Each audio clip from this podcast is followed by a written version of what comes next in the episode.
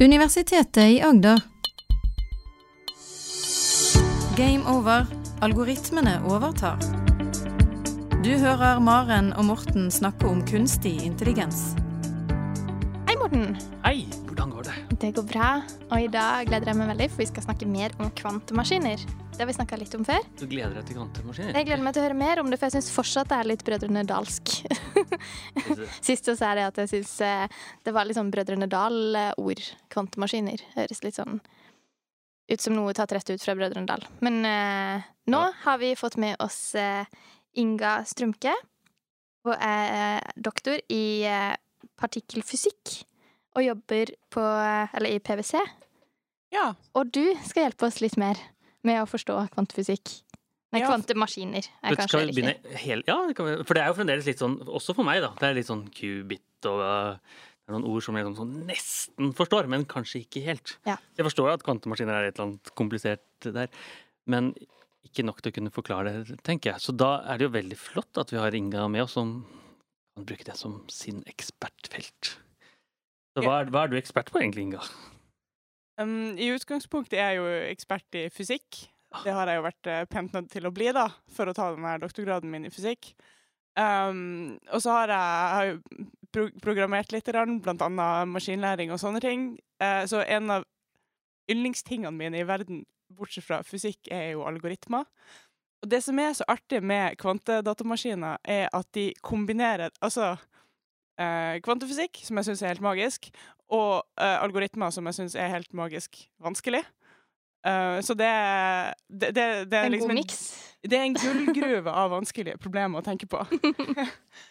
um, og, og kvantedatamaskiner er jo bare er totalt fundamentalt forskjellig fra de vanlige datamaskinene som vi er vant med. Uh, og her, her tenker jeg at eh, Morten og jeg kan utfylle hverandre litt. Um, fordi jeg syns jo at vanlige datamaskiner er litt sånn um, Jeg er glad de fungerer, uh, og jeg er glad at noen har bygd dem. Men jeg hadde, for å si det sånn, jeg hadde ikke klart å bygge en datamaskin sjøl, da. Uh, men det jeg vet at den grunnleggende informasjonsbyggesteinen i en datamaskin, det er en bit. Ja, det, det tror jeg du har rett i. Jeg tror ikke jeg hadde klart å bygge en datamaskin, jeg heller. Men hadde du klart å bygge en kvantemaskin? Hvis du, når du først sier at du ikke kan bygge en datamaskin? Det som er så sprøtt, da, det er at jeg, jeg tror jeg forstår kvantedatamaskiner bedre og synes at de er eh, lettere å tenke på enn vanlige datamaskiner. For det er litt sånn Hva er egentlig en bit?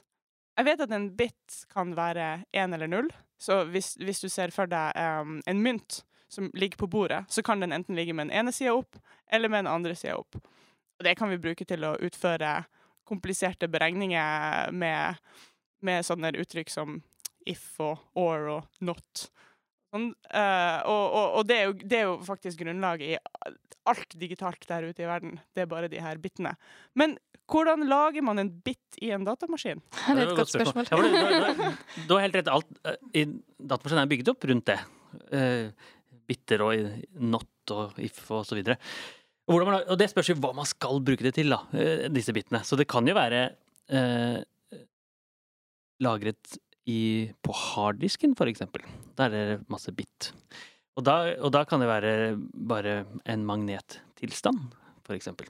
Og det kan være lagret i minnet, og da er det en litt annen variant. Og det, det kan være fysisk, eh, at det er bare noe som er på eller av, på en eller annen måte. En strømtilstand på eller av. Så du kan ha en bryter som er på eller av fysisk i datamaskinen. Så Og det kan kalles en bit. Ja, helt riktig. Mange måter å tenke på. Det er jo akkurat som en bryter som er på eller av. Det er som nesten helt én, eller nesten helt null. Og så sier vi at det er én eller null.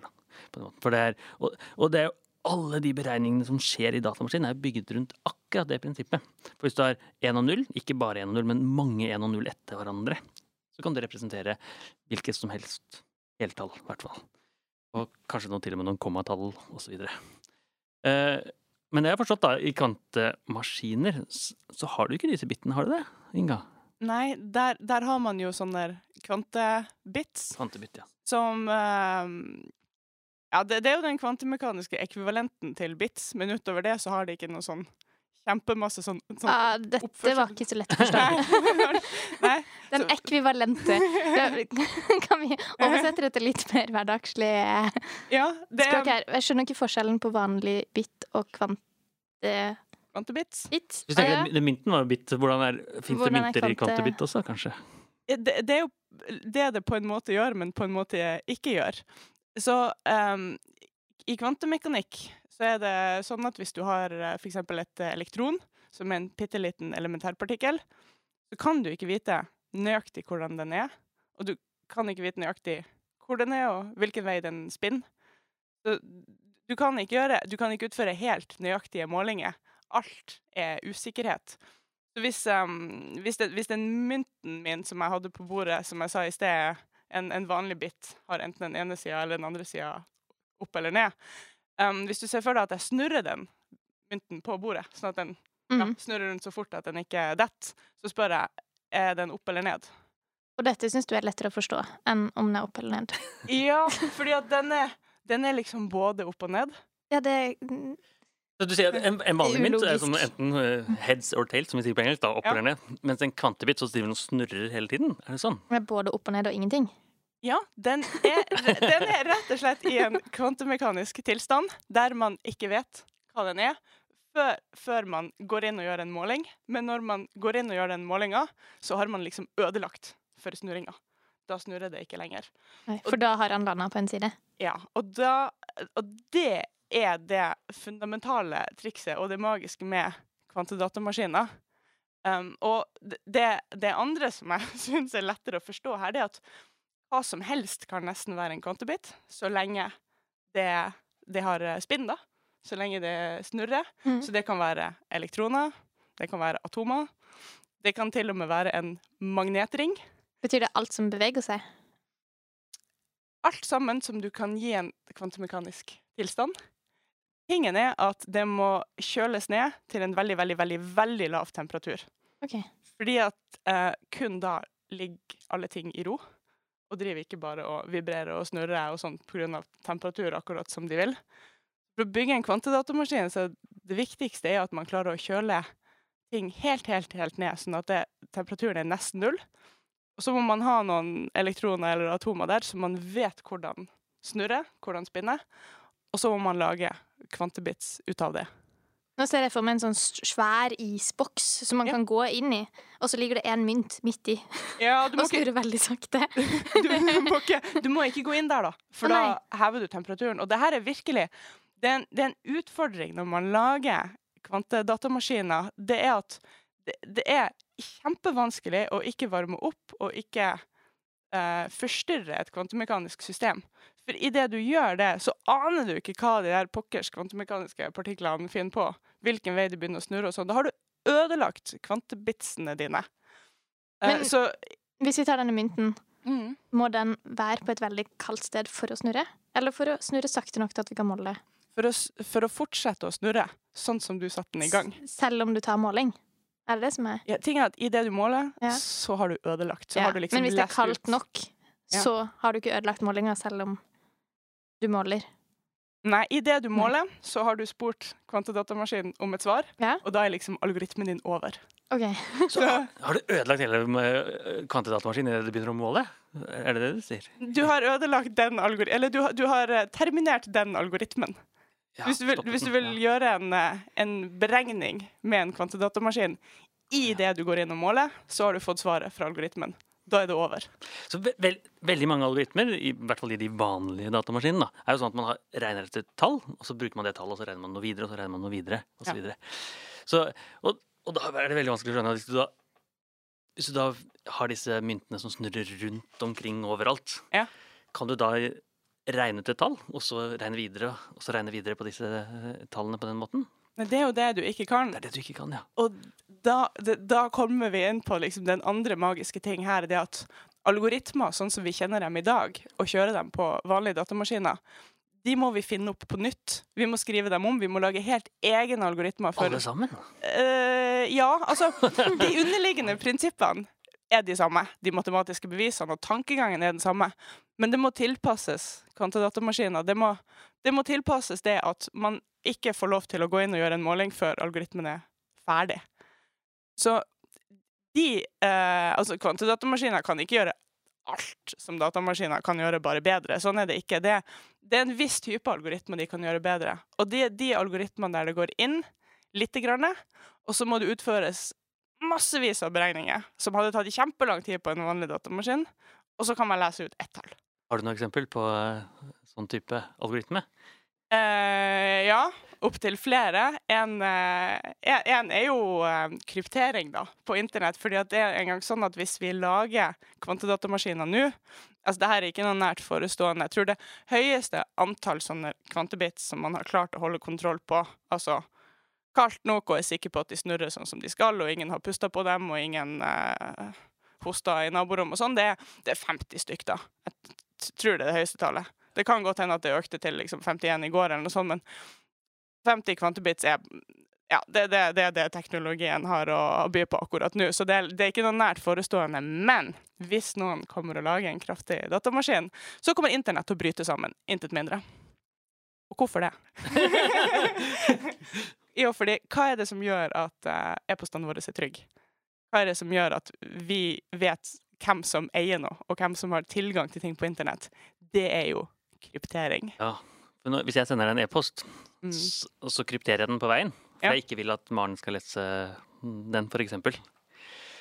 Så bruker man krypteringsmekanismer, ikke sant? Mm. Ja, og da, da, gjør man det hemmelig på en eller annen måte. Ja. ja. og den måten å gjøre det hemmelig på, det er primtallsfaktorisering. Det, det, det magien bak kryptering er det at hvis du har mange tall og vil multiplisere dem sammen, så er det enkelt. Hvis du ganger mange tall sammen, så får du ut et stort tall. Ja, for en datamaskin er det enkelt. Ja. ja.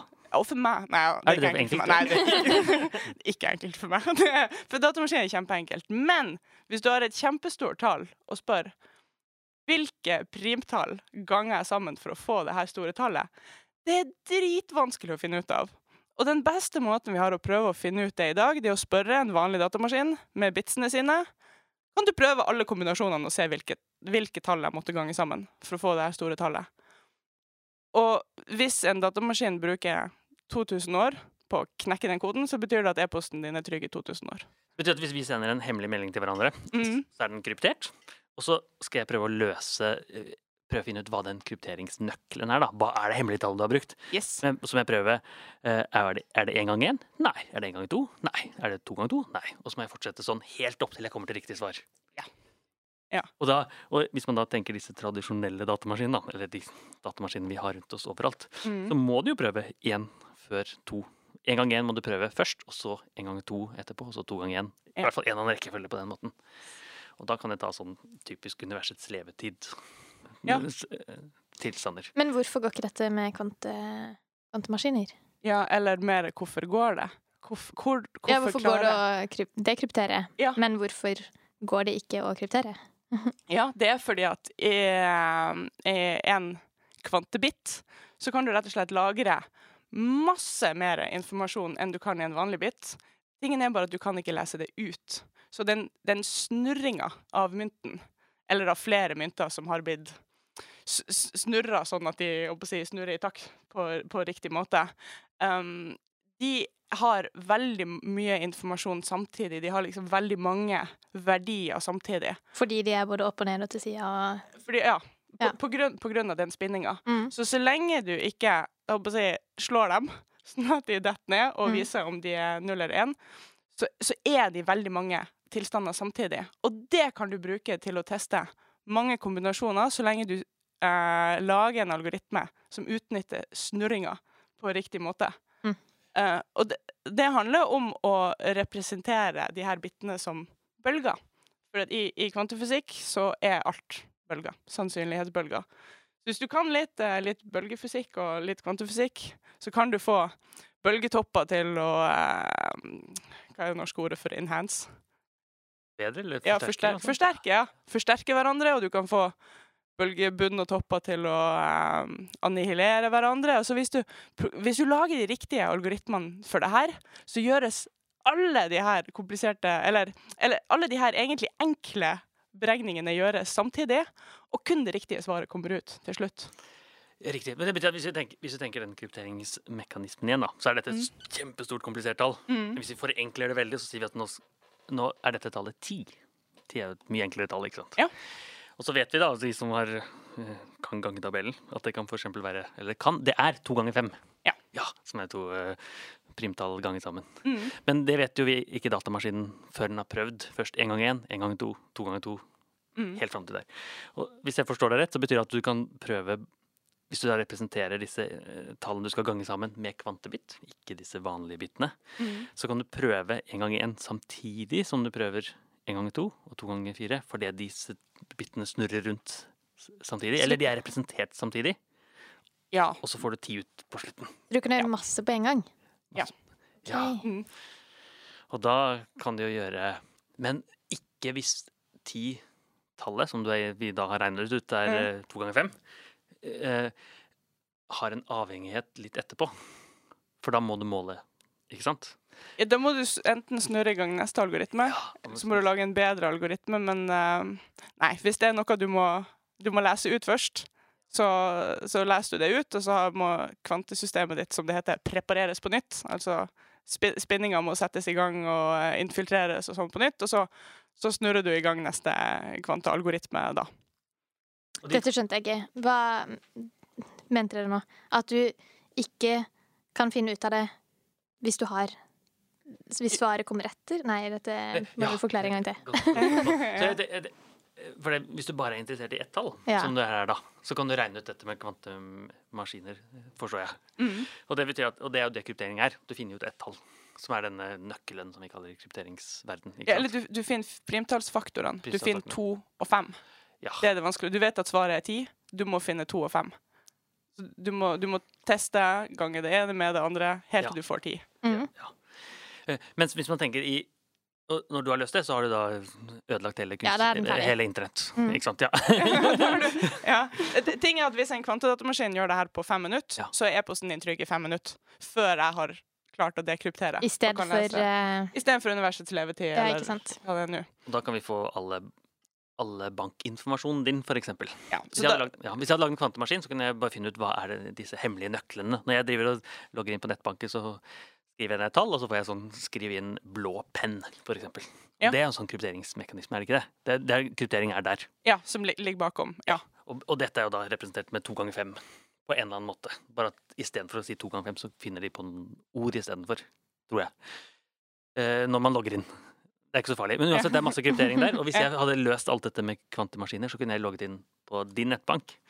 Overført noen penger til meg, eksempel. For eksempel. Ja. Og, og hvis uh, sikkerheten på internett bryter sammen, så er internett ikke brukende lenger. Mm. Så. Men uh, altså, kvantedatamaskiner kan ikke bare brukes til slemme ting. Vi vet jo om flere algoritmer, K kanskje de som uh, vi jobber med til daglig, der det går litt grann info inn, og så skal man få et svar ut. Og det er jo maskinlæring. Ja, det er sant. det. I maskinlæring så sender, sender man inn litt uh, features, kaller jeg det Egenskaper, på godt norsk. ja. Egenskaper, ja. Så spør jeg eksempel hvilken, eh, hvilket bilde er det her? Er det bilde av hund eller katt? Hvilken uh, egenskap er det her? Hvilken klasse tilhører det her? Visuelle intelligensene Ja. Ja. Ja. Mm, Og hvis det er et nevralt nettverk, som er min maskinlæringsalgoritme, så må den gjøre massevis av egentlig enkle beregninger, men det er så, det er så mange av dem. Derfor trenger man masse prosessorkraft for å gjøre maskinlæring. Men en kvantedatamaskin kunne bare boppeli-bopp, gjort alle beregningene samtidig, og så gitt ut det ene svaret. Og denne Så det sparer oss for masse er da- tid. Ja, sparer masse tid. Og den boplibop boppeli-bopp er da utregning av disse nevronene som vi har snakket om. Synapsene og nevronene som vi har snakket mye om i disse podkastene. Mm. Ja. For det, I et nevralt nettverk så er det, jo, er det jo sånn at du har det vi kaller et lag, første gruppe med nevroner, Mm. typisk, og så har man kanskje en gruppe etterpå, som avhenger av den første. Ja. Som avhenger av den, og så er det en gruppe etterpå. Ja. Og det er derfor de kaller det dypsnett, ikke sant? For det er som Mm. dype lag. Men det du sier, er at det, det man kunne kanskje gjort, var kanskje et enkelt nevralt nett som ikke har alle disse avhengighetene med hverandre. Mm. Kunne vi gjort med en kvantemaskin. Men siden maskinlæringsalgoritmene, disse dype nettene, har så mye avhengigheter, Ja. så går det ikke i dag, i hvert fall, med de prinsippene vi vet om kvantemaskiner, Nei. til å regne ut. Så da er vi tilbake til algoritmene må tilpasses. Lage helt nye algoritmer. Så jeg må Ja. lære meg andre ting igjen. Hvis Ja. kvantemaskiner blir en eh, realitet i hverdagen. Ja, og så hvis det kommer eh, kvantedatamaskiner, da kommer det forskningsmidler. Ja. Fordi da må, vi, da må vi lage nye algoritmer, da må vi berge internett, og da kan vi gjøre maskinlæring bedre og vil åpne en verden av muligheter. Men jeg, jeg tror ikke at vi trenger å være nervøse for det her de neste 20 årene. Av de enorme tekniske utfordringene med å lage, riktig, med å lage et kaldt kjøleskap og spinne elektronene og Det må være litt kaldere enn kjøleskap. Må For det er mye fysiske begrensninger, egentlig. Ja, det er akkurat det det. Ja. Det er. Men alt jeg liker å tenke på, er sånn. Det er kult å tenke på, men det har mange fysiske Så du tror ikke det kommer til å komme en kvantmaskin nå med det første? Altså, ting er, I prinsippet er det på plass. Mm. Altså, det, finne, det finnes jo kvantemaskiner med 50 kvantebits, eller hva det er Ja, i dag. sant. Ja. Sant? Så det, um, det er på ingen måte umulig. Det Men er hvor bare mange må man ha for at det skal være altså, du du kan tenke hvor mange megabyte meg... OK, det blir samme tanke. det blir samme tanke, ja. Ja. Eh, Det trenger jo ikke nødvendigvis være det, men, men hvis Og vi trengte jo ganske mange færre megabyte før enn det vi gjør nå. Ja, for- Eller gigabyte, eller Men Ja, det- hva det- mener du med trenger? Ja, Ja. det er det. Eh, Så for, det er forskjellige ting. Det er jo, hvis man ønsker å lagre ting på harddisken, så er det jo ikke det vi egentlig snakker om, det er det utregningene Ja. som gjøres. Ja, jeg ville ikke ha lagra all musikken min i en kvantedatamaskin. Uh, For da blir det helt tilfeldig, og du hører på alt på en gang? Ja, det Eller? er all musikk på en gang. Ja, det, det bare gir ikke mening. Og så er det jo det at um, i, uh, i kvantedatamaskinene så er det veldig viktig å feilkorrigere bits. Fordi at det skjer ofte at ting bare begynner å snurre på en litt annen måte fordi at noen hoster i naborommet. Så, så blir det en 1 til en 0 eh, ja, ja, og du vet ikke For det er så følsomt? Rett og slett. Ja. Fordi at det er så, fordi, altså, i, I den kvantemekaniske verden eh, langt der nede, så er det rett og slett tilfeldighetene som rår. Mm. Så når jeg, når jeg sier at uh, verdensrekorden er 50 kvantebit, så mener jeg egentlig 50 feilkorrigerte kvantebits. Altså noen der man, man, man må virkelig ha testealgoritmer for å teste om en bit fremdeles er det den sa at den var i sted. Ja, og hvis man tester den, så er den ødelagt? Det er jo utfordringen med algoritmen, at den Ja. må klare å teste hele systemet uten å ødelegge. Ja. Men det har gått. Det har gått. Ja. Det går an å, å, å, å teste om bits fremdeles er det de skal være. Jeg tror jeg hadde klikka, for det helt, grunn, helt, helt grunnleggende for meg er det når jeg liksom leser et tall da, i datamaskinen min, at det er det tallet. Ja. At ikke det plutselig kan endre seg litt. Grann, da. Ja, ja, nei, i, altså En kvantealgoritme, som, som står her nå, så hadde man vært nødt til å kjøre den noen par ganger og se om samme svaret kommer ut oftest. Tenker man ja, men da er vel det riktig svar, da. Så litt, litt sånn, ja, du floskler det til litt, men For nå eh, står vi egentlig i stort, en stor fryseboks, hvor vi har noen mynter som snurrer rundt, og naboen hoster, og da er alt ødelagt. Nei, men du vet ikke om det påvirker snurringa litt. Nei. Det, det er Så hvis du tar en måling før og etter Nå Ja. vil jo en måling gjøre at uh, den Ja. slutter å snurre, og det vil være ødelagt. Ja. Men uh, hvis man da klarer å måle ja. ja. Så det er kjempevanskelig å lage algoritmene som får det her uh, og, Ja, som får det her til å, til å kjøre i den virkelige verden. Men bare for eh, Altså, vi, vi har snakka om at eh, ja, vi hadde klart å ødelegge internett med en uh, kvantedatamaskin, og, men, men maskinlæring hadde gått mye bedre med en kvantedatamaskin, og, så det hadde vært litt sånn kult å ha dem. Men hvis vi tenker at vi har lyst til å uh, simulere prosesser som foregår i verden, altså bare f.eks. simulere et molekyl, så kan det hende at de datamaskinene vi har nå med vanlige bits, ikke kan gjøre det.